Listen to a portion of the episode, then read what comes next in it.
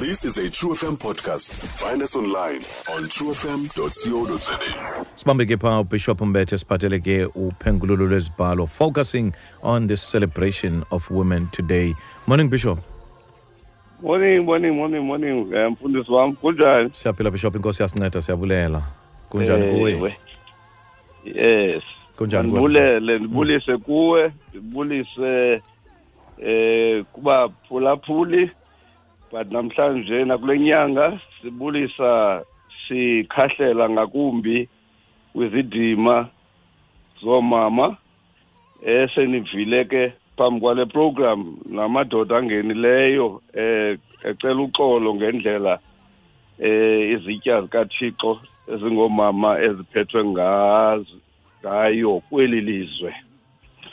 Eh masityhile kwincwadi eh encinci apha ngesize ekuthiwa nguEsther Estere Esther eh Esther incwadi oyifumana pha emva koNehemiya na phambi ufike kuJob kukho incwadi pha apha kuyo namhlanje ukuvula lenyanga yomama ndifuna ukuveza nge ngophengululo lwezibhalo i- ingcinezelo yento ekuthiwa yi-system.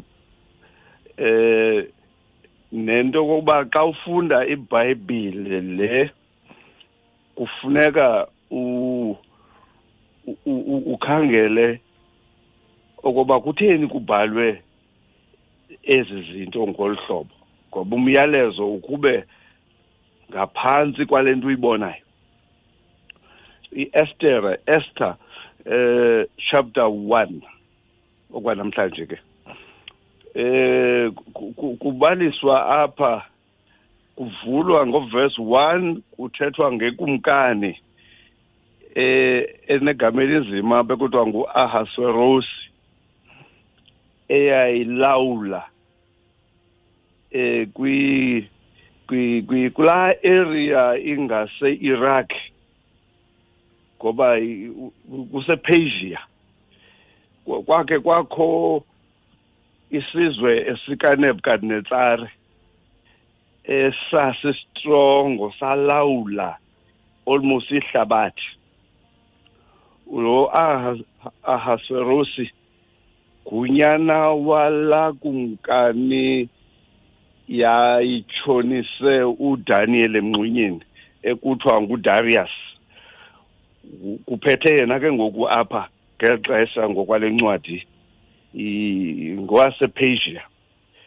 u- ukunyaka wesithathu according to verse 3 u- e- ephethe ngomnyaka wesithathu ubukumkani bakhe in his third uh, year. Masiyiqaphele baphulaphuli eh, bezibhalo okokuba umbalisi uyayishicilela okokuba le kingdom yayinkulu ngoba phaa kuverse 1 kuthiwa le kingdom yayithabathela isuka ngase-india izokuma kwindawo ibhayibhile ethi kwa- kwakushi now that is exciting and you need to note that because ngesilungu ithenye translation it stressed from india to ethiopia. Ukush ebhayibhileni means africa especially le area iSudan neEthiopia. Lento ungathi ka uyithetha uthi yi-upper Nile Valley. So he ruled according to verse 1 lo king i-provinces zobukumkani bakhe zaziyi-127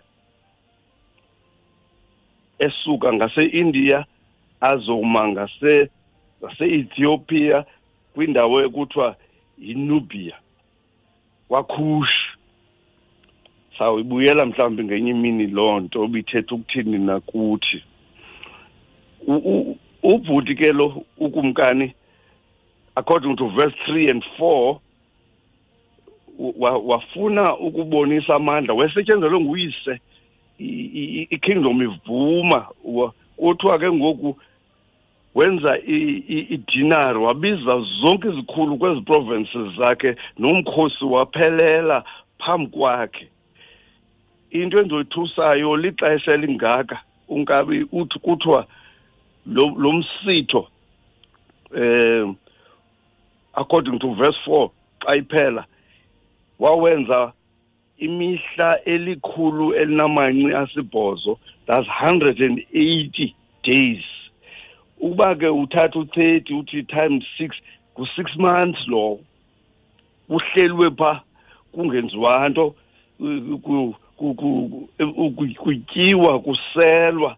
He was displaying splendor and pomp of his majesty.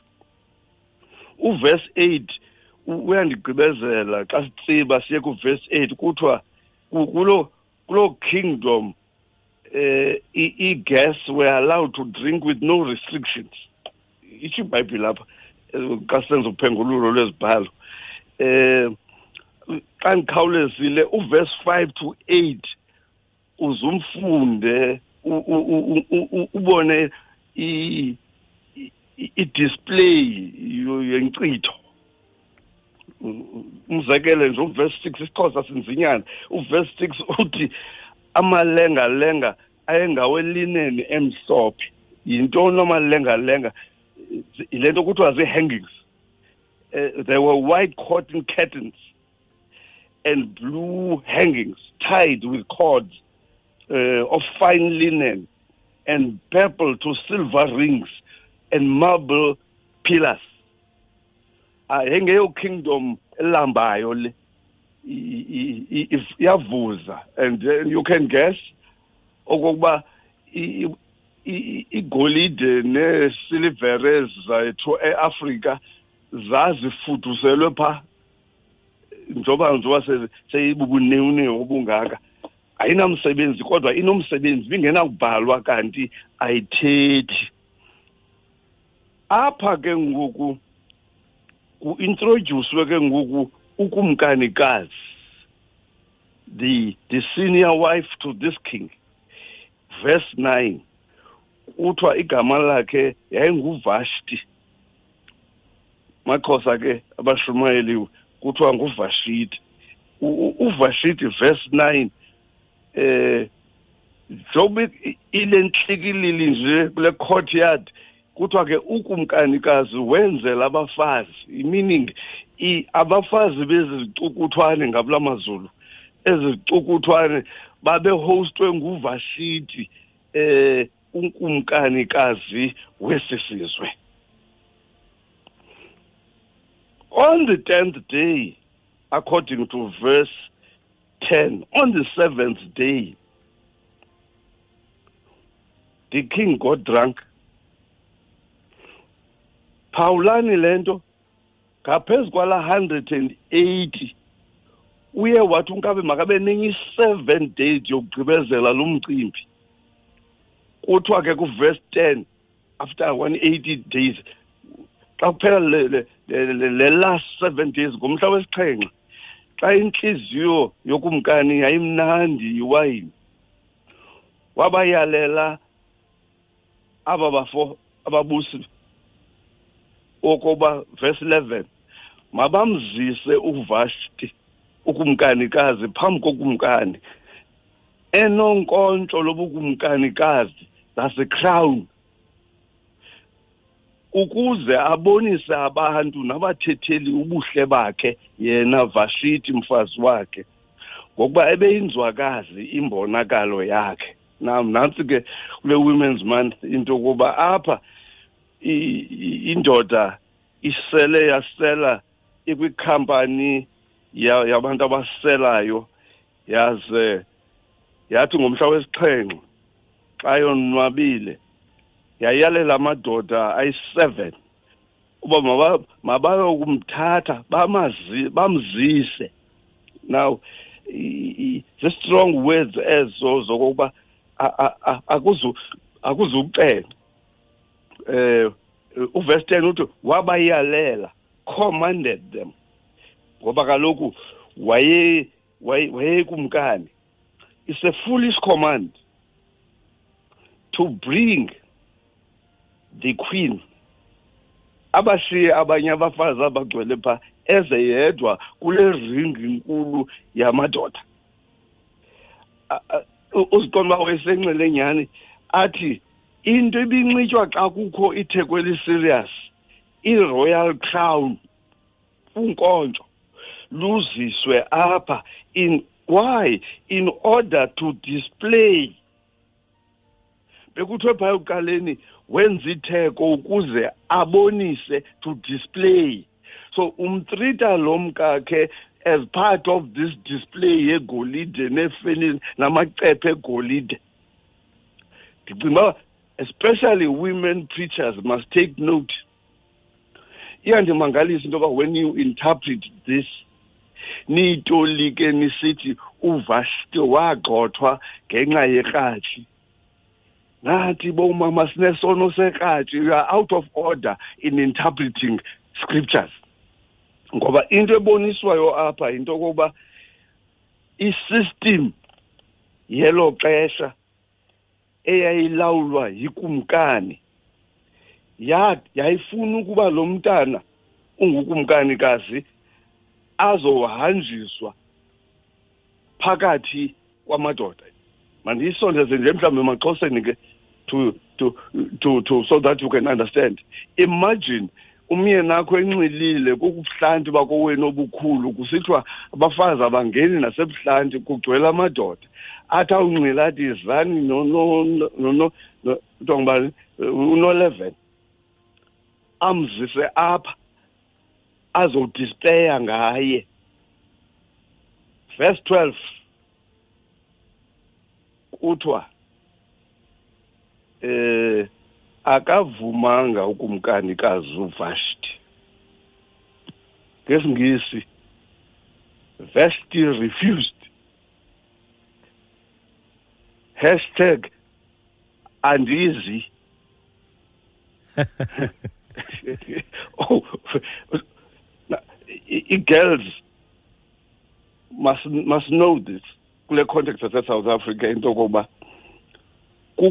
kukwikhawekazi apha ekuthiwa nguvashti. And if this boy was three years into the throne uvashti was not old. A young up and coming queen refused. Hashtag andizi. Kumeba la madoda asixhenxe asabela kaninzi ukuba andiva mem wathi yithi andizi. Le nto kuthiwa anything onoyititsha umntana wakho intombazana ngamandla okuthi no Mm. and if there's anything emayititshwe abafana namadoda yile ithi no means no i refuse to parade to a party of drunk men.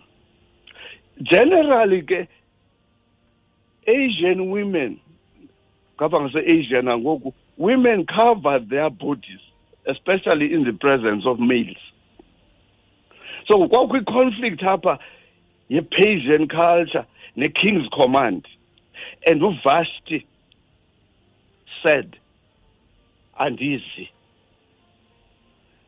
Note what follows kuthiwa ke eh kula verse 12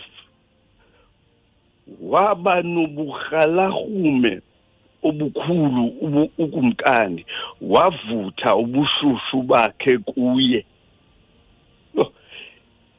Now the king became furious and burned with anger.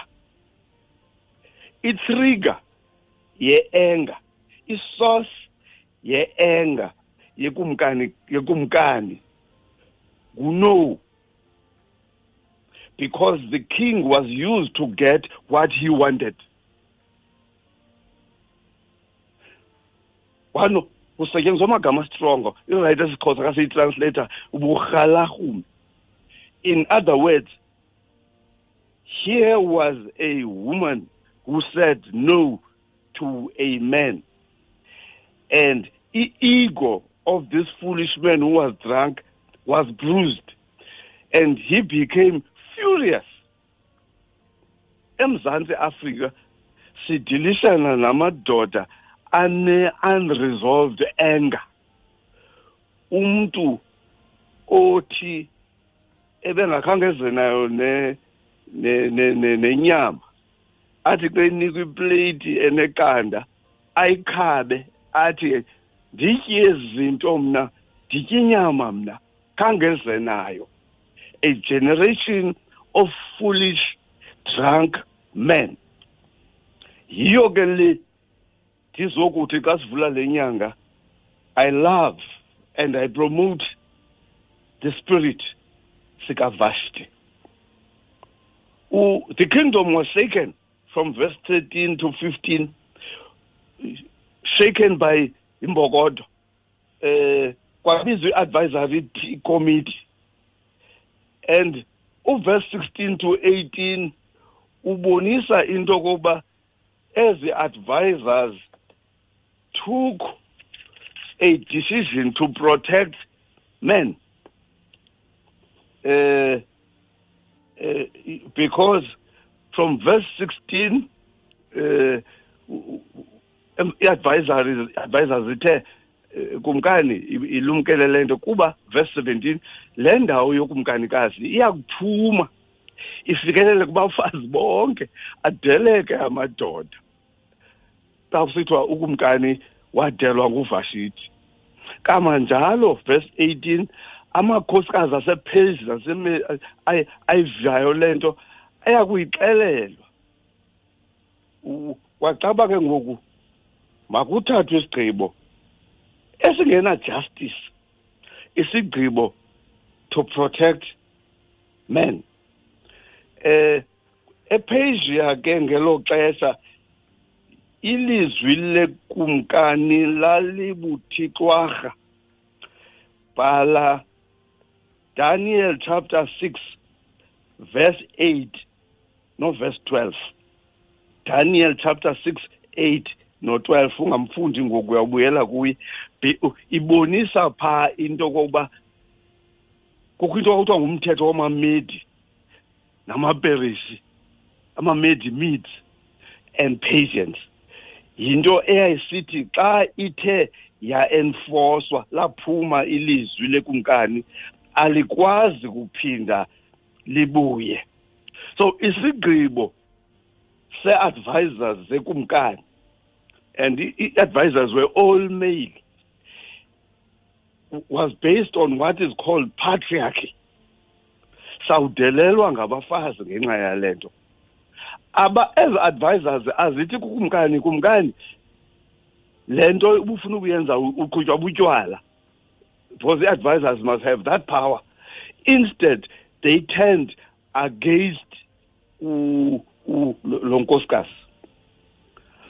Xa ndiza kuyisonga ndayiqoqosha apha ekuhambeni kwenyanga. Eh wathunyelwa incwadi ke. Masiye kuchapter 2 eh from verse 1 kuthiwa pha emva kwezi zinto emveni koba kumkiwe kuthiwe cwaka bakudamba ubushushu bokumkani when his anger subsided. Wamkhumbula uvashti ogxothiweyo ke. Noko abekwenzile kuthiwa ngesingesi king he he remembered vashti and what she had done. Imisebenzi yakhe apha ebukumkanini bakhe uremembered could be translated as he began to miss her but kuba uh, uh, isigqibo wasithatha enobushushu ezinye zequalities zikathixo characters kuthiwa xa echazwa into emayicelwe ngamadoda kule nyanga kuthiwa uthixo uzeka kade umsindo. I-anger management should be compulsory kumadoda asemzantsi so aqale esesesikolweni. Mandivale ngeli ke ndayibuyela. Kuvesi two. Kwavela ngoku ii-PAs personal attendants ukumkanikazi uthe uthe khunu bembe u- u- ukhumbula u- ukumkanikazi amgxothileyo kuthiwa athi amadoda ah kumkani ukumkani makafunwe liintombi ezisezintombi ezimbonakalo intle. Let us go and search for virgins. Beautiful virgins. Ndibhalile ke apha ndathi what a liability to be beautiful. I-thing of beauty efanele ukunconywa ijikile yayijikile ngoku isajikile nangoku into kokuba iba i-liability yinto esindayo ukuba mhle. Naxa unxibe kakuhle emzantsi yi-invitation to be abused bendike bendithi ke eh eh pastor G nabaphulaphuli yes xa Bishop. ndingena kule nyanga for the first time make ndimiye ku-estere lo unconywayo Hmm. ndijonga apha phantsi kwelitye lo mama unganconywayo nantsi imbokodo yoqobo eyancama ikingdom masikhumbule magqiyazana into yokokuba uninzi lwenu luyahlala kwi-abusive relationship kuba ucinga imoto ozawuzishiya nemali oyiphiwayo yindoda e-abusive but here uvashithi wayincama wahamba. And she lost the title queen but regained and retained her integrity and dignity. Thixo ke makasikelele iafrika asigcinele abantwana bethu abe noomama ngale nyanga ndiyabulela wow enkosi bishop kakhulu thank you so much ngokusombuluka xa iqala lenyanga uze ne-dimension e- e- e- e- e-different ngolu hlobo siyabonga kakhulu. Imfundiso ezingaka um sawudibana kule veki zayo thank you so much. Stream True FM online on truefm.co.za. sikho yonke indawo ngalo lonke ixesha like no one else